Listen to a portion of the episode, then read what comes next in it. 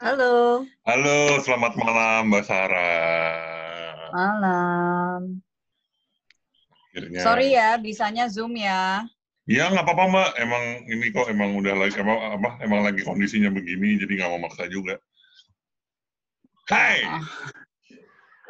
Hai, Halo, sebentar Mbak, ini mau direkam dulu. gimana sehat? Alhamdulillah sehat, cuman agak bingung aja sama kerjaan jadi ya begitu. Semua sepertinya di kondisi yang sama. Sepertinya begitu. Oke, Mbak Sarah, boleh dimulai Mbak? Boleh, boleh. Oke, selamat datang di podcast Manusia Tinggi. Kali ini gue bersama apa ya? Bingung Mbak nyebutnya. Gue gue lagi sama Mbak Rahayu Saraswati Joyo Hadi Kusumo yang aktris juga, aktivis juga, politisi masih nggak? Ya, yeah, I guess so. dan yang paling dan yang mungkin orang paling orang paling tahu adalah keponakannya Bapak Prabowo Subianto. Iya, kayak kayaknya itu kalau mau jadi clickbait cuman itu yang dipakai gitu di mana-mana. Tapi Mbak, uh, to be honest ya, gue ngundang lo bukan karena itu. Gue ngundang lo itu karena ngeliat di YouTube-nya Panji dan kayak dari semua calegnya kecuali uh, termasuk bos gue yang sama-sama caleg Gerindra juga pada waktu itu, uh, gue melihat Mbak Sarah tuh paling beda paling apa ya paling paling bedanya bagus kan? Bagus bagus. Maksudnya yang paling tahu apa yang diomongin dan paling tahu apa kayaknya paling tahu gitu. Jadi kayak omongannya paling enak didengar gitu. Dan Yeay. gitu. Itu mbak. Jadi that, that's why that's why ya buat yang follow Instagram gue tahu gue sengaja datang ke acara Kompas untuk nyamperin Mbak Sarah dan kebetulan waktu itu ada dua orang Basaran dan Pak Jonan dua-duanya. Oh I, I I admire them. Oke. Okay. udah jadi kebanyakan ini. Jadi kebanyakan. Thank you. Oke okay, Mbak pertanyaan pertama gimana WFH P, P, PSBB how how you uh, how you face it in the last three months? Biar itulah. For me sih kayaknya apa kalau buat aku sendiri Tuhan tuh baik gitu. Kenapa? Karena uh, banyak sih orang yang nanya gitu. Bahkan mereka juga mungkin lihatnya, wow Sarah you're so glowing gitu. Apa namanya? Apa udah nggak stres dulu gitu.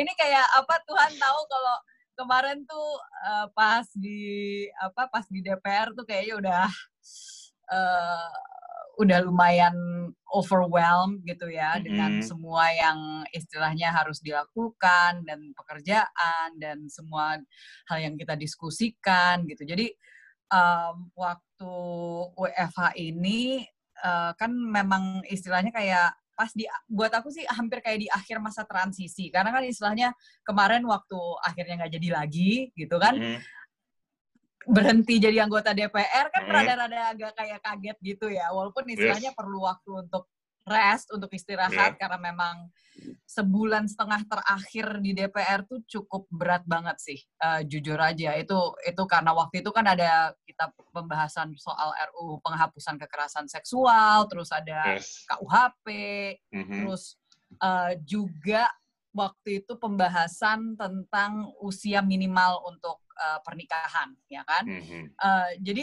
aku terlibat dengan itu semua gitu loh, uh, dan itu bener-bener draining banget secara mental, secara emosional, dan akhirnya sebulan dua bulan pertama setelah selesai masa bakti, mm-hmm. uh, istilahnya ben, ben, istilahnya bener-bener nggak bisa ngapa-ngapain gitu, saking udah kecapeannya gitu ya. Dan WFH ini istilahnya kayak uh, diberi waktu ekstra gitu sama Tuhan untuk istirahat, untuk quality time. Ya lu tahu juga kan kalau misalkan gue kan punya dua anak uh, yes. ya kan masih kecil-kecil. Uh, dan selama di DPR itu kan mereka lahirnya juga pas aku lagi di DPR gitu ya. Uh -uh. Selama, selama di DPR itu hampir hampir nggak ada waktu untuk bersama dengan mereka apalagi pas uh, apa enam bulan leading up ke pas pilpres itu loh gitu. Heeh, Jadi itu hampir set, iya hampir setahun aku udah nggak nggak nggak ada waktu untuk anak-anakku gitu kan. Mereka sekarang dua tahun empat tahun. Jadi waktu itu pas si kecil mas pas bener-bener lagi apa eh, lagi butuh-butuhnya gitu kan.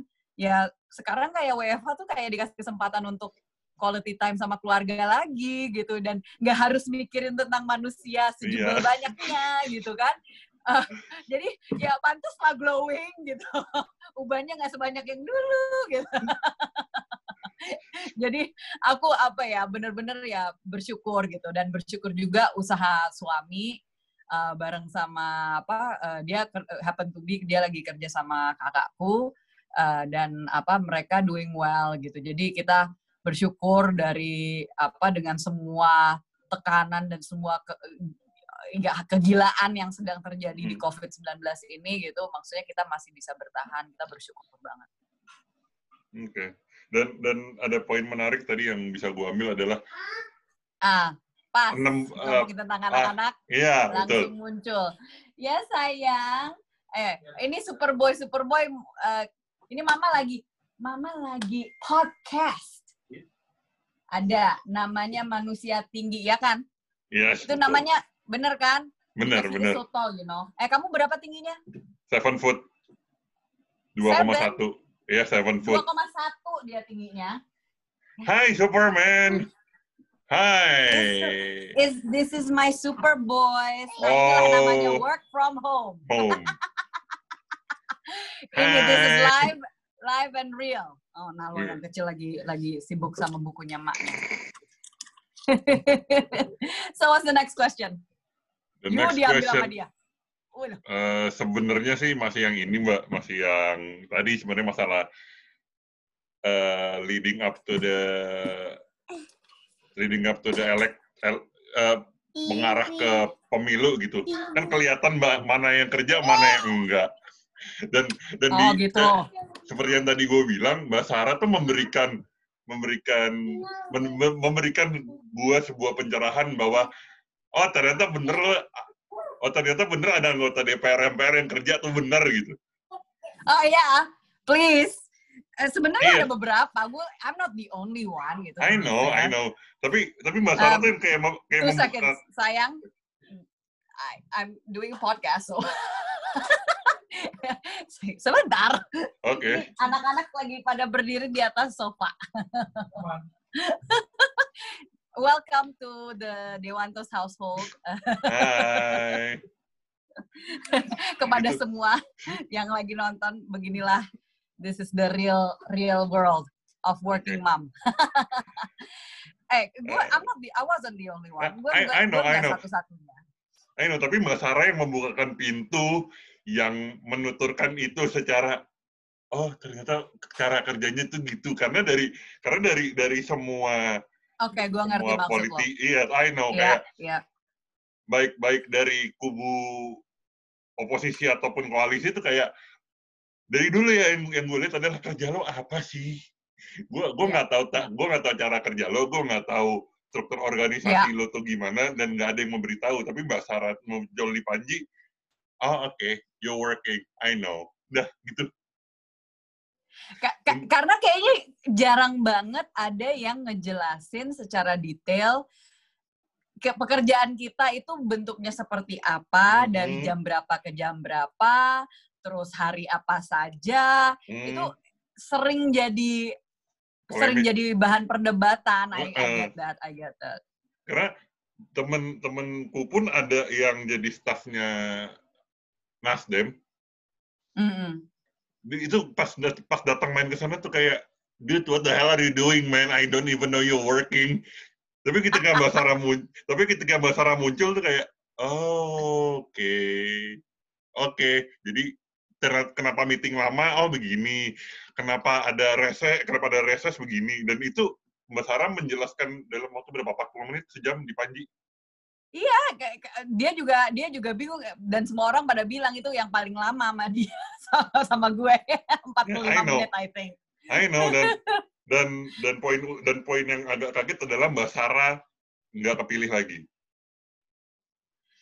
Well, I- ah, itu bisa bahan perdebatan lain karena Eh? terpi- sebenarnya terpilih, tetapi ya Really? because of ya Iya, gini, yang menjadi yang menjadi gue bingung adalah biasanya mbak ya, biasanya yang nomor satu di dapil itu biasanya naik. Iya nggak? ya it's not always true karena waktu waktu aku maju tahun 2014 aku nomor urut dua. Heeh. And then, Jadi nggak nggak it's not always true bahwa yang dapat nomor urut satu kan Hmm. gitu. Tapi kali ini happen to be aku sih sebenarnya terpilih dan nggak mungkin dong aku maju ke MK tanpa bukti gitu loh. Jadi waktu waktu aku majuin ngajuin ke MK gugatannya itu dengan 10 kontainer box bukti bahwa suara gue ada empat ribuan suara yang yang di yang hilang gitu. Really? Iya. Oh. Jadi kalau C1-nya itu dilihat dari Mhm. C1-nya aku ada 4000 suara yang di level berikutnya itu nggak ada. Oke, itu nggak ada beritanya. gitu. Jadi makanya waktu itu aku secara terbuka aku ngasih tahu orang bahwa sebenarnya MK itu menolaknya pun juga berdasarkan alasan yang mereka pakai adalah administrasi, bukan karena aku nggak punya bukti. Ah, oke. Ya. Oke. I'm I'm kind of shocked. Oke. Oke, move away from politik karena yang sebenarnya ada ada satu ada satu poin utama ketika eh, kolegi riset Mbak Sarah adalah Parinama Asta. Hmm. Why? I mean like Mbak Sarah tuh sosialita, Mbak Sarah tuh aktris di dunia entertainment, and then politik juga. Kenapa ke aktivis seperti ini gitu? Jadi justru aku masuk ke politik itu karena itu. Nah, mungkin banyak orang yang belum tahu ya Parinama Asta itu Hmm. apa. Jadi Parinama Asta itu adalah yayasan yang saya eh, dirikan tahun 2012 karena Mhm. saya eh, mulai mengetahui tentang perdagangan orang sejak tahun 2009. Jadi 2009 baru tahu tentang perdagangan orang yang lebih dari sekedar cuman yang kita dengar ya istilahnya TKI itu lalu dia disiksa di negara mana. No, eh, perdagangan orang ini kan bisa berbagai macam bentuknya. Apakah itu sex trafficking, apakah itu organ trafficking, apakah itu pekerjaan paksa. Karena kerja paksa pun juga masuk ke dalam perdagangan orang. Jadi Oke. eh, aku melakukan riset setelah itu terus eh, keliling Indonesia sampai juga internship di Philippines, eh, belajar juga di Nepal eh, tentang isu ini dan akhirnya aku dirikan eh, mendirikan eh, Parinama Asta ini di tahun 2012. Mm-mm. And uh, jadi waktu mau maju ke politik waktu itu kan awal 2013 ya, Januari 2013. Itu pas bener-bener aku baru diri mendirikan yayasan itu dan memang orang-orang yang jadi kompor itu mengompori aku untuk masuk ke politik justru karena aku sebagai aktivis perdagangan anti Oh, perdagangan oke. orang Oke. gitu. Jadi awal mulanya itu istilahnya kalau misalkan bi- bisa dikatakan acting tuh kayak my first calling gitu ya panggilan hidup Mm-mm. yang pertama, baru panggilan hidup yang kedua adalah untuk anti perdagangan orang. Di dalam perjalananku untuk memperjuangkan itu akhirnya masuk ke politik praktis. Jadi aku masuk ke politiknya itu justru karena aku adalah aktivis anti perdagangan orang. That is my first Oh. platform. Oke. Gitu, Oke. Tapi dengan ya maksudnya kenapa gitu dengan dengan why why why I still don't get the idea why you make that gitu? Karena eh kayak oke Mbak Sarah di entertainment kayak "Oh, udahlah gue nggak peduli. Gue I just enjoying my life. Karena with with your with Yeah, your family itu iya dengan dengan keluarga saking Iya. capeknya mau kayak gitu aja gitu kan istilahnya gue mau jadi gue mau jadi hermit gue gue I'm gonna build a villa di di Heeh. pulau mana Heeh. and forget about life gitu kan iya kayak kayak maunya maunya sih gitu kayaknya kalau udah frustrasi banget Heeh. gitu dengan kondisi negara ini gitu kan Heeh. dan kondisi dunia dengan segala ke- kegilaan apalagi Heeh. sekarang dengan COVID-19 kayaknya maunya sih istilahnya beli pulau di mana udah tinggal situ aja gitu kan jauh dari mana-mana Hmm. gitu.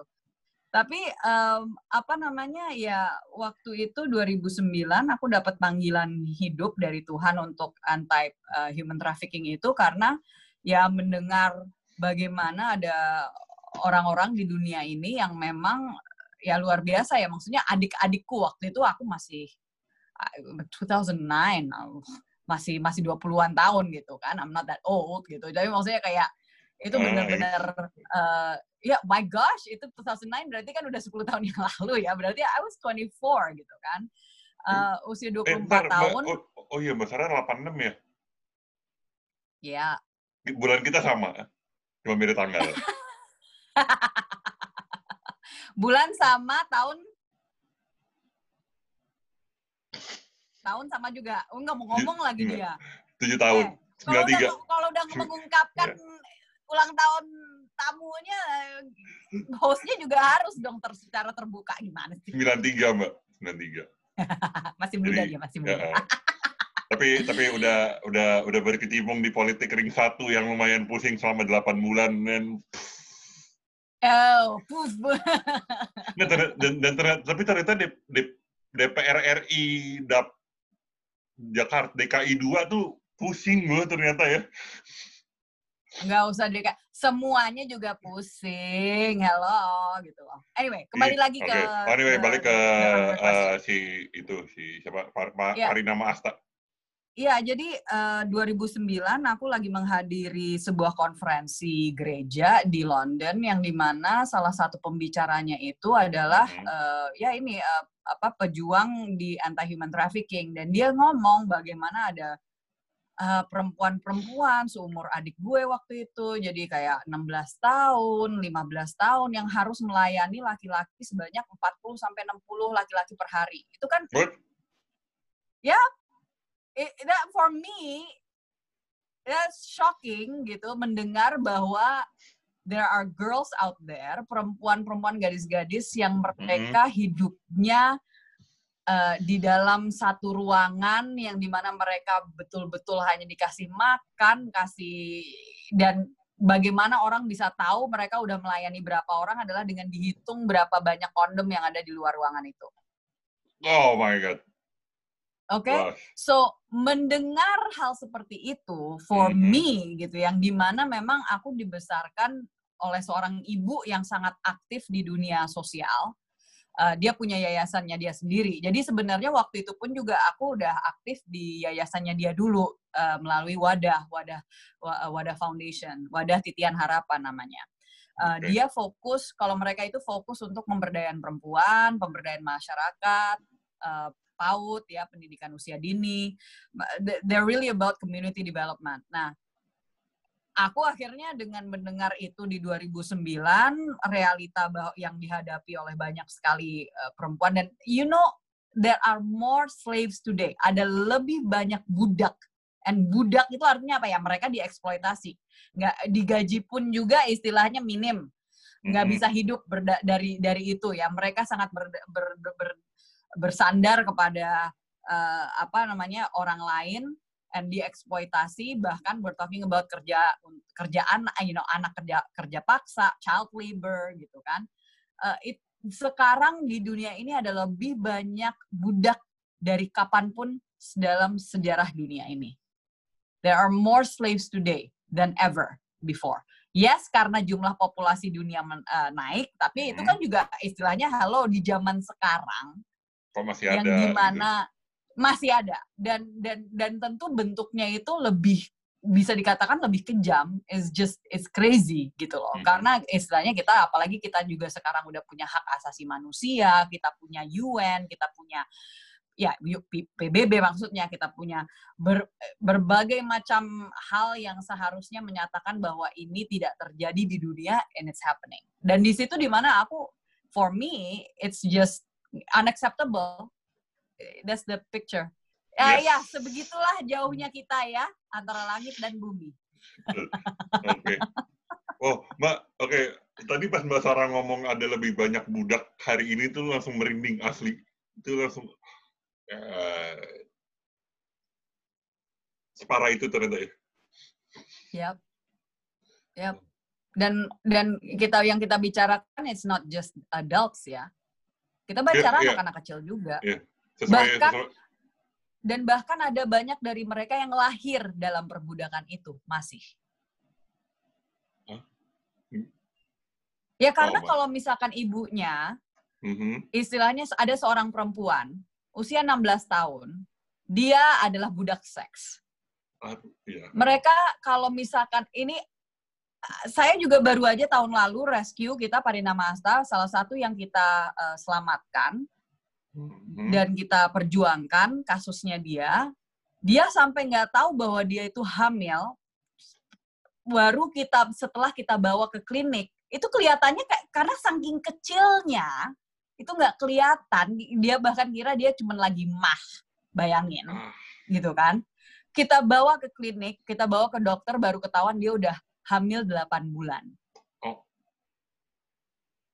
Oke, sekecil Oke. itu gitu. Puji Tuhan, alhamdulillah lahir sehat, sekarang eh, hidup tenang karena sudah kita rescue gitu kan. Tapi bayangkan mereka yang di da- hidup di di dunia itu tidak bisa menyelamatkan diri, tidak dis- tidak bisa diselamatkan atau belum diselamatkan dan mereka hamil karena eh, diperkosa setiap hari ah. gitu kan. And akhirnya ya melahirkan dalam kondisi seperti itu dan Oh. anaknya adalah budak berikutnya gitu loh. Jadi and this is real. Oh. Jadi you know the film Taken tahu Mhm. tahu Tahu, film tahu, tahu, tahu, tahu. it's based on real life. Mungkin not real story, tetapi nggak jauh dari itu what what an- yang anaknya eh, apa yang dia lihat dan anaknya ketahui. D- Bahkan yang lebih menakutkan dari itu yang namanya ada film namanya Whistleblower. That is based on true story. Aku bahkan udah ketemu sama eh, orang di mana karakter eh, si aduh aktrisnya aku jadi lupa namanya. Eh, basically the story of whistleblower itu berdasarkan dia. Hmm. Aku sampai udah ketemu sama orangnya. Bagaimana dia mencoba mengungkapkan apa yang terjadi waktu dia bekerja sebagai salah satu peacekeeper eh, di PBB. Oh my. Aduh, merinding, Itu- Mbak. Sumpah, merinding. Ya Allah.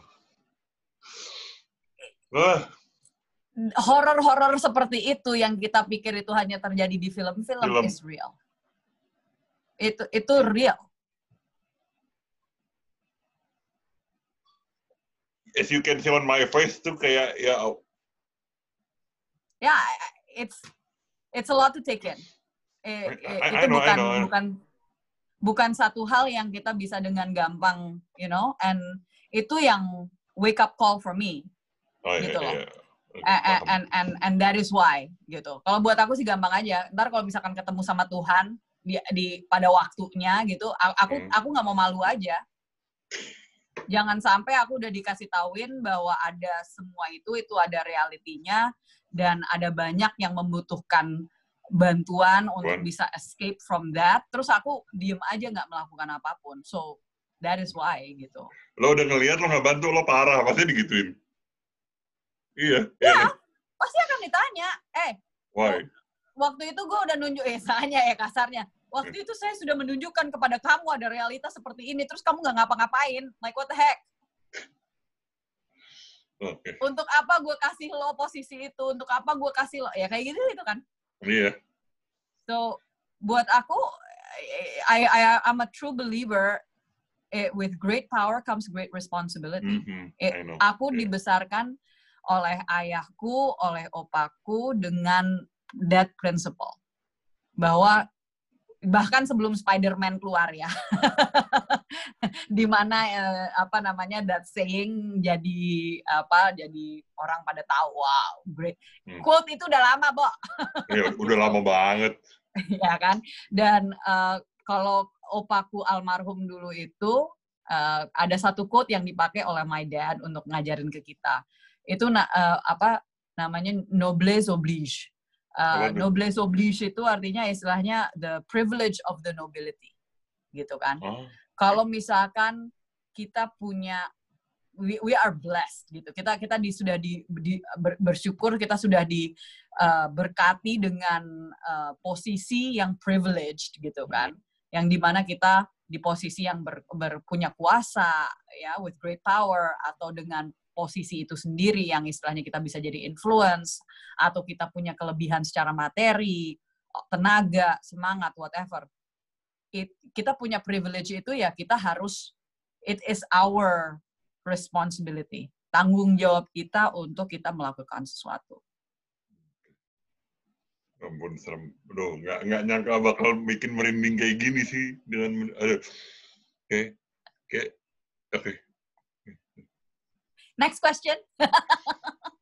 Next question. Sebenarnya masih nyambungnya sama yang tadi sih.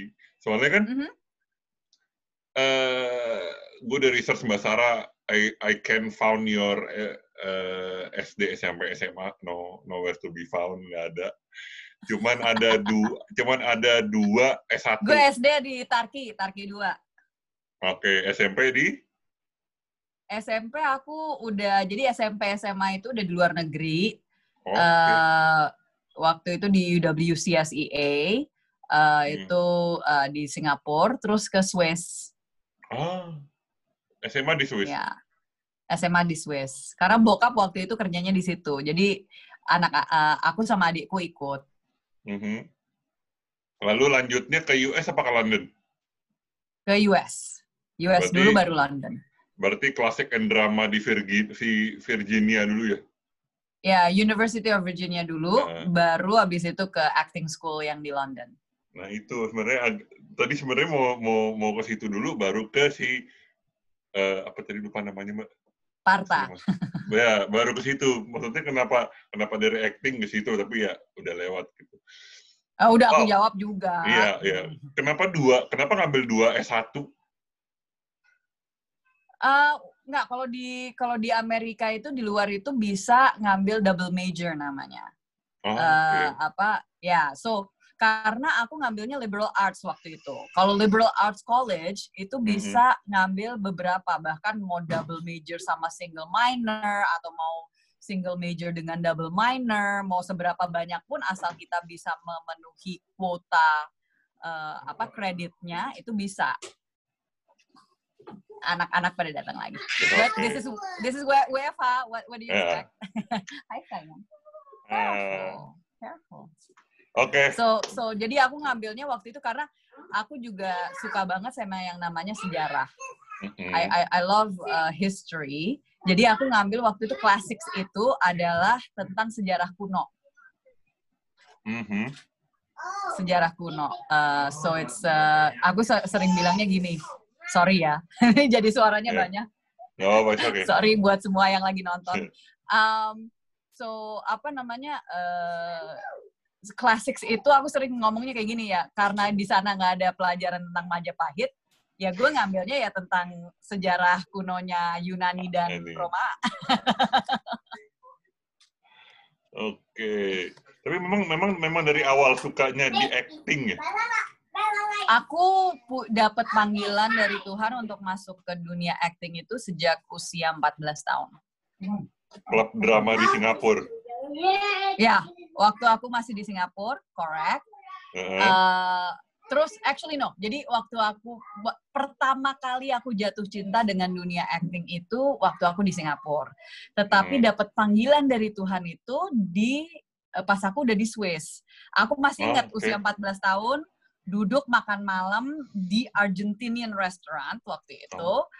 Aku ngasih tauin ke orang tua, Pak, Ma, when I grow up, I wanna be a professional actress. Itu tapi ya gimana nama juga uh, orang tua Asia gitu ya rada-rada nggak percaya gitu jadi mereka pikir oh oke okay, this is just a face gitu tapi kan uh, but you pursue it kan finally oh, iya. Ya. Uh. Aku sampai waktu di SMA aku produce and directed uh, musical uh, mm-hmm. Guys and Dolls. Jadi aku aku aku I really took it seriously. Uh, tiap tahun bahkan aku bisa ngikut atau tampil di dua pertunjukan teater um, selama SMA. Terus waktu di uh, kuliah pun juga aku bisa tampil di dua sampai tiga pertunjukan. Salah satunya Shakespeare, another one wow. musical. Uh, jadi uh, aku audisi terus. Dan pada akhirnya dapat film layar lebar. Ayah akhirnya. Karena kalau di Indonesia kan teater it's not gonna unfortunately uh, teater ya di seluruh dunia itu jarang banget bisa pay the bills istilahnya ya kecuali show-nya tuh segede kayak Hamilton gitu tapi apa gajinya ya nggak seberapa lah makanya aku akhirnya waktu sekolah acting di Inggris mm-hmm. itu fokus untuk screen acting jadi khusus untuk masuk ke layar lebar oke okay. and I still wonder kayak pas waktu ngeliat Mbak Sarah di Panji itu ya mm -mm kok bisa kok ada anggota DPR yang kayak gini gitu. kayak gini agak antik dikit ya, eksentrik. yeah, I mean like you know, I met I met I met many uh, uh, polit, polit, politician lady. I met many plenty of them. Tapi kayak yang yang yang gua aku nggak ngerti kenapa Mbak Sarah baru muncul pas di 2019. Baru baru baru mencuat tuh pas di Panji gitu. Tut. Gitu. Masalahnya yang yang ya you know kayak yang tadi di awal gue bilang anggota dewan tuh kayak they don't care about their appearance kayak gitu ya udah gitu ya. Ya gue gue datang mau wakil rakyat udah gitu yang well I don't know you working or not gitu. Tapi begitu lihat Mbak Sarah oke kenapa nggak banyak anggota DPR yang kayak gini? gitu. You ya first of karena first of all yang paling penting juga harus disadari I'm not a hmm. politician.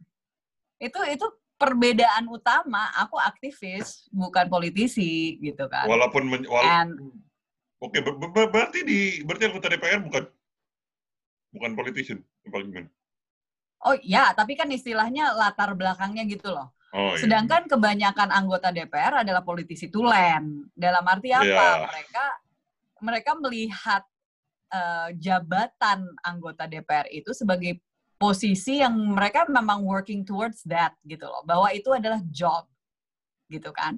-huh. Sedangkan uh, untuk someone like me gitu, aku nggak ngelihat itu sebagai job. Aku melihat itu sebagai pelayanan. Uh, Oke, okay. how did you end up being a parlemen member? Ya, sama seperti yang lain lah. Okay. Sign up, daftar. Dengan, dengan yang aku bilang itu uh, dikomporin sama saudara-saudara gitu kan, bahwa aku sebagai aktivis gitu dan ya aku pergumulan sih selama tiga minggu waktu itu setelah ulang tahunku, aku pergumulan selama tiga minggu dan ya Tuhan dengan jelas bilang aku harus masuk gitu ke ke, ke politik uh, dan daftar sebagai caleg gitu. Jadi um, ya aku aku nurut aja sih istilahnya waktu itu walaupun itu berat banget karena jujur aku nggak suka banget sama yang namanya dunia politik. Mm -hmm. uh, tapi ya for me namanya juga itu adalah panggilan dari Tuhan ya aku hanya bisa yeah. me menuruti lah gitu. Apakah akan maju lagi di 2024?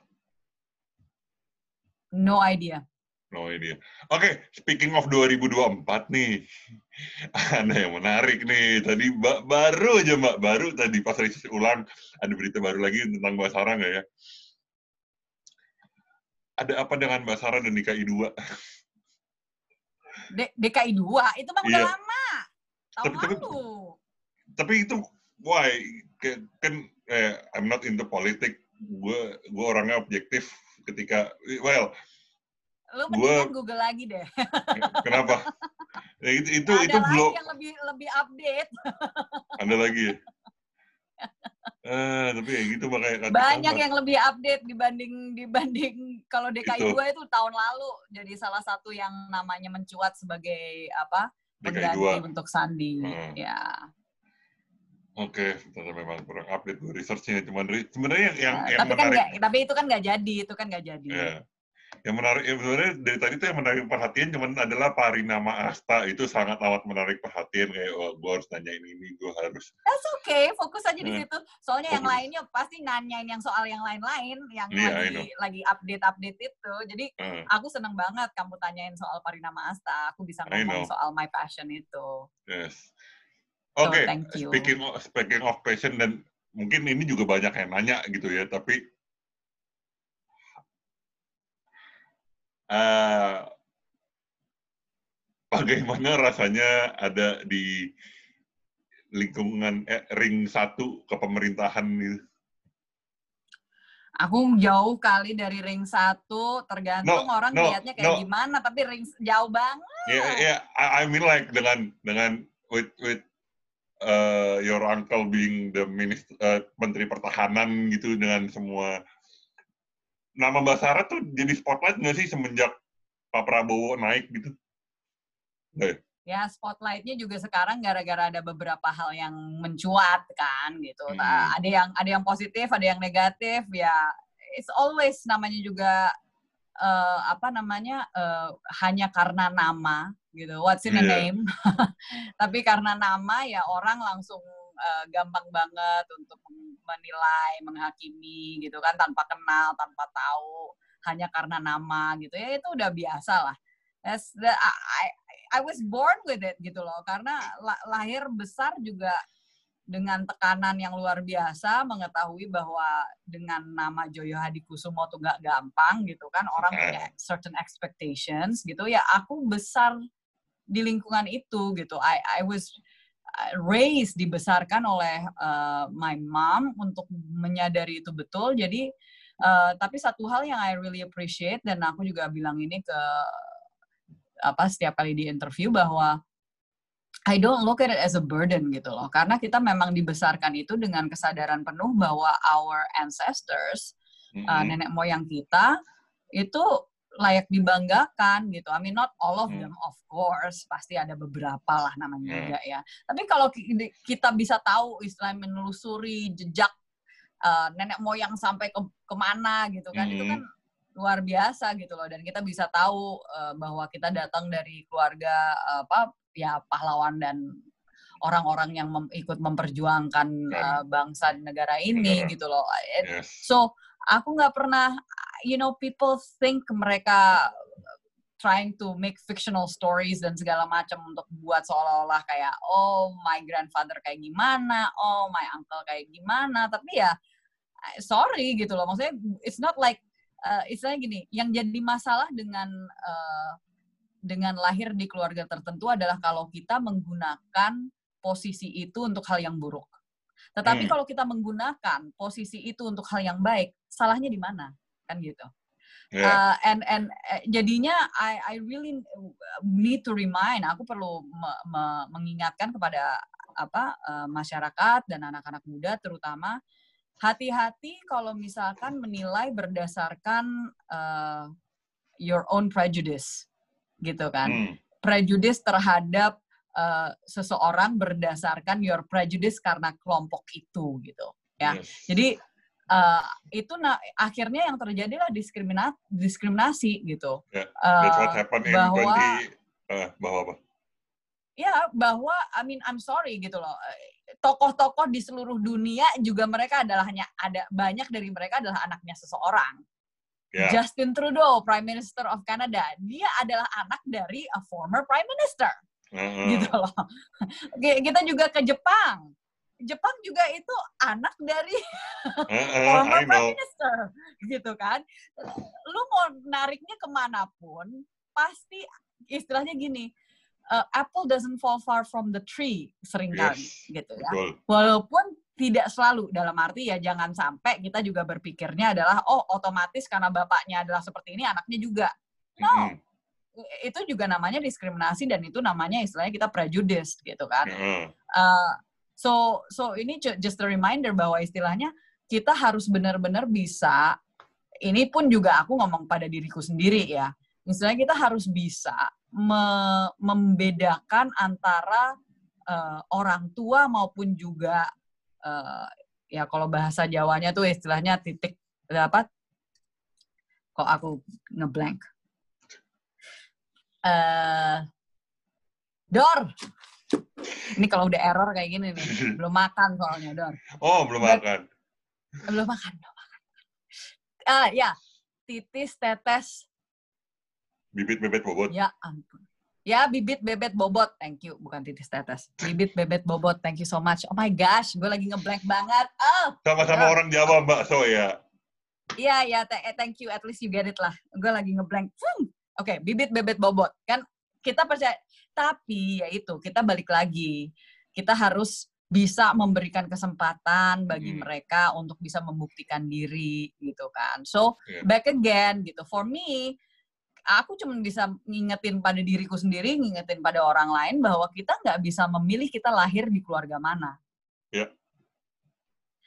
Tapi apa yang kita lakukan dengan kondisi itu, Itu. mau Heeh. itu di kondisi privilege maupun kondisi tidak privilege, Heeh. apa yang kita lakukan dengan posisi itu yang make an impact. Yes. Bukan hanya yang privilege loh yang di di di, di istilahnya didiskriminasi. Mereka yang non privilege juga didiskriminasi. Sudirman Said aja di, dikata dikata-katain sama apa guru-guru maupun juga teman-temannya dulu bahwa lu kan orang miskin lu nggak bisa ngapa-ngapain and then Boom. dia jadi seorang salah satu orang yang brilliant yang bisa dari desa kampung yang yang yang yang salah satu yang tertinggal di Jawa Tengah gitu kan and Mhm. dia bisa naik menjadi who he is now gitu kan seorang menteri dan menterinya pun juga bukan kementerian yang ecek-ecek gitu kan itu kementerian yang bo- bobot berbobot habis gitu loh Parah. Yang strategis lah. ya so so kita kita harus benar-benar belajar untuk memberikan orang kesempatan untuk bisa membuktikan diri Menteri ESDM. Eh, itu dulu dia. ya SDM waktu itu maju sebagai calon gubernur Jawa Tengah Eh, speaking of Jawa Tengah ya, Mbak Sarah tuh kenapa waktu itu daftarnya di Jawa Tengah ya? oh kalau waktu itu emang aku ditempatkan di situ aku nurut Oke, aja waktu itu Mm-mm. Mbak Sarah tuh Jawanya Jawa mana sih? Di Hadikusuma aku tuh kalau aku Jawa hybrid Tengah. say aku hybrid hybrid. Mobil dong. iya karena eh, se- aku seperempat jadi aku setengah Manado eh setengah Manado setengah Ponorogo seperempat Banyumas and Hmm. seperempat Manado Ah, I see where the beauty came from. Ya, ah thank you ada Manadonya ya. Oke, udah, udah, udah, udah no debat. Masa Jawa nggak ada beauty-nya? Jawa juga beauty kali. Nggak, nggak, no, no, no. In in my opinion, Jawa is not Jawa tuh bukan Ja- Jawa is not beauty. Jawa is elegant. Ayu, ayu, ayu elegan gitulah. Jawa tuh elegan semua. And and Iya, what tapi I, di akunya yang da- dapetnya yang yang ya Banyu Jam- Banyumas sama Ponorogo Warok. yeah, that's what that's what I see from you gitu. Oh, ada Manadonya. Oke. Oke, aduh, apa lagi tadi ya? Eh, I don't know. Udah, udah sih, Mbak. Udah saking banyaknya ya. Udah, Udah. informasinya. Iya. Kalau ada pertanyaan lagi nanti bisa another session deh. Ya, sebenarnya masih peng sebenarnya pengennya ketemu, cuman I don't know kapan PSBB ini selesai. So, Ya, exactly. Sorry karena anakku yang kecil kan juga rentan banget gitu. Jadi Uh-uh. aku aku bener-bener harus aku pick and nonton, choose pas Uh. keluar. aku udah nonton di Q&A pas itu. Ya oke, nggak apa-apa nggak mau keluar. That's right. So thank you untuk pengertian, thank you for inviting me juga untuk bisa hadir di sini. Semoga apa yang tadi disampaikan bermanfaat, bisa Sangat jadi bermanfaat. educational buat masyarakat di sana and um, buat bagi yang mungkin tertarik untuk cari tahu lebih lagi tentang perdagangan orang atau pekerjaan atau istilahnya pelayanan kami Mhm. bisa di www.parinama-asta.co.com ya Mhm. .com. Dan dan itu So, itu apa eh, desainnya sangat amat mencolok mata loh, Mbak. harus dong. How much did you pay? Ya, what the? No, Ah, Nggak, itu nggak, yang bukan, bukan. Kan? Iya, posternya Yang gitu. hebat kan? Iya, posternya langsung lo lo lo berani bayar berapa dan itu langsung ditembak di depan tuh kayak oh wow wow wow easy man easy woi santai gue baru buka nih gitu Yap, yap. Dan itu apa namanya? Gue bersyukur banget uh, kita juga pas poster buat poster itu juga istilahnya semuanya pada doing it uh, apa uh, voluntarily gitu fotografernya modelnya terus segala macam. So very very blessed. Hero of the year 2010 wow. Oke, okay, this been a good session with Mbak Sarah, seseorang yang gue tidak, gue kaget menemukan Mbak Sarah di kerumunan anggota MPR DPR sih itu biasa. Jadi ya. Gue gue gue paling aneh di situ gitu, paling beda sendiri gitu. Iya, ini perbanyak yang kayak gini boleh nggak sih? Amin, thank you. Perbanyak, well ya kita kita berdua kita semua tahu lah rahasia umum bahwa politik itu kotor. We all know that. Oke, okay, sudah yeah. sudah sudah yeah. dikonfirmasi oleh banyak orang. Tapi kan maksudnya Oh, well, yang, let me let let me juga correct that juga bahwa apa tuh? Yang kotor itu bukan politiknya, tetapi manusianya. Oke. Okay. You see what I mean? Yeah. Politiknya is whatever we make of it politik adalah cara untuk memperjuangkan kebaikan masyarakat. Mm-hmm. Tapi kalau misalkan masy- oh, manusianya yang berada di dalam politik Benar itu kan.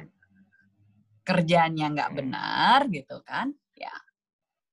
Iya, iya sih. Tapi makanya perbanyaklah orang-orang seperti Mbak Sarah gitu yang jelas gitu kerjanya kayak Oke, okay, jadi you. oh gue tahu jadi kenapa kenapa si wakil dari dapil Jatim satu itu kantor di Jakarta. Kenapa harus ke Jakarta kantornya? Kemarin itu terjelaskan dari Mbak Sarah di Panji itu terjelaskan semua. Oh gitu, oh gitu cara mainnya, oh peraturannya gitu. Oh oke, okay. menjelaskan semua. Tapi yang lain tuh kayak, gue anggota DPR bebas. Lo mau apa? Lo nggak bisa ngelawan gue. Gitu that, that, that's what I see sih.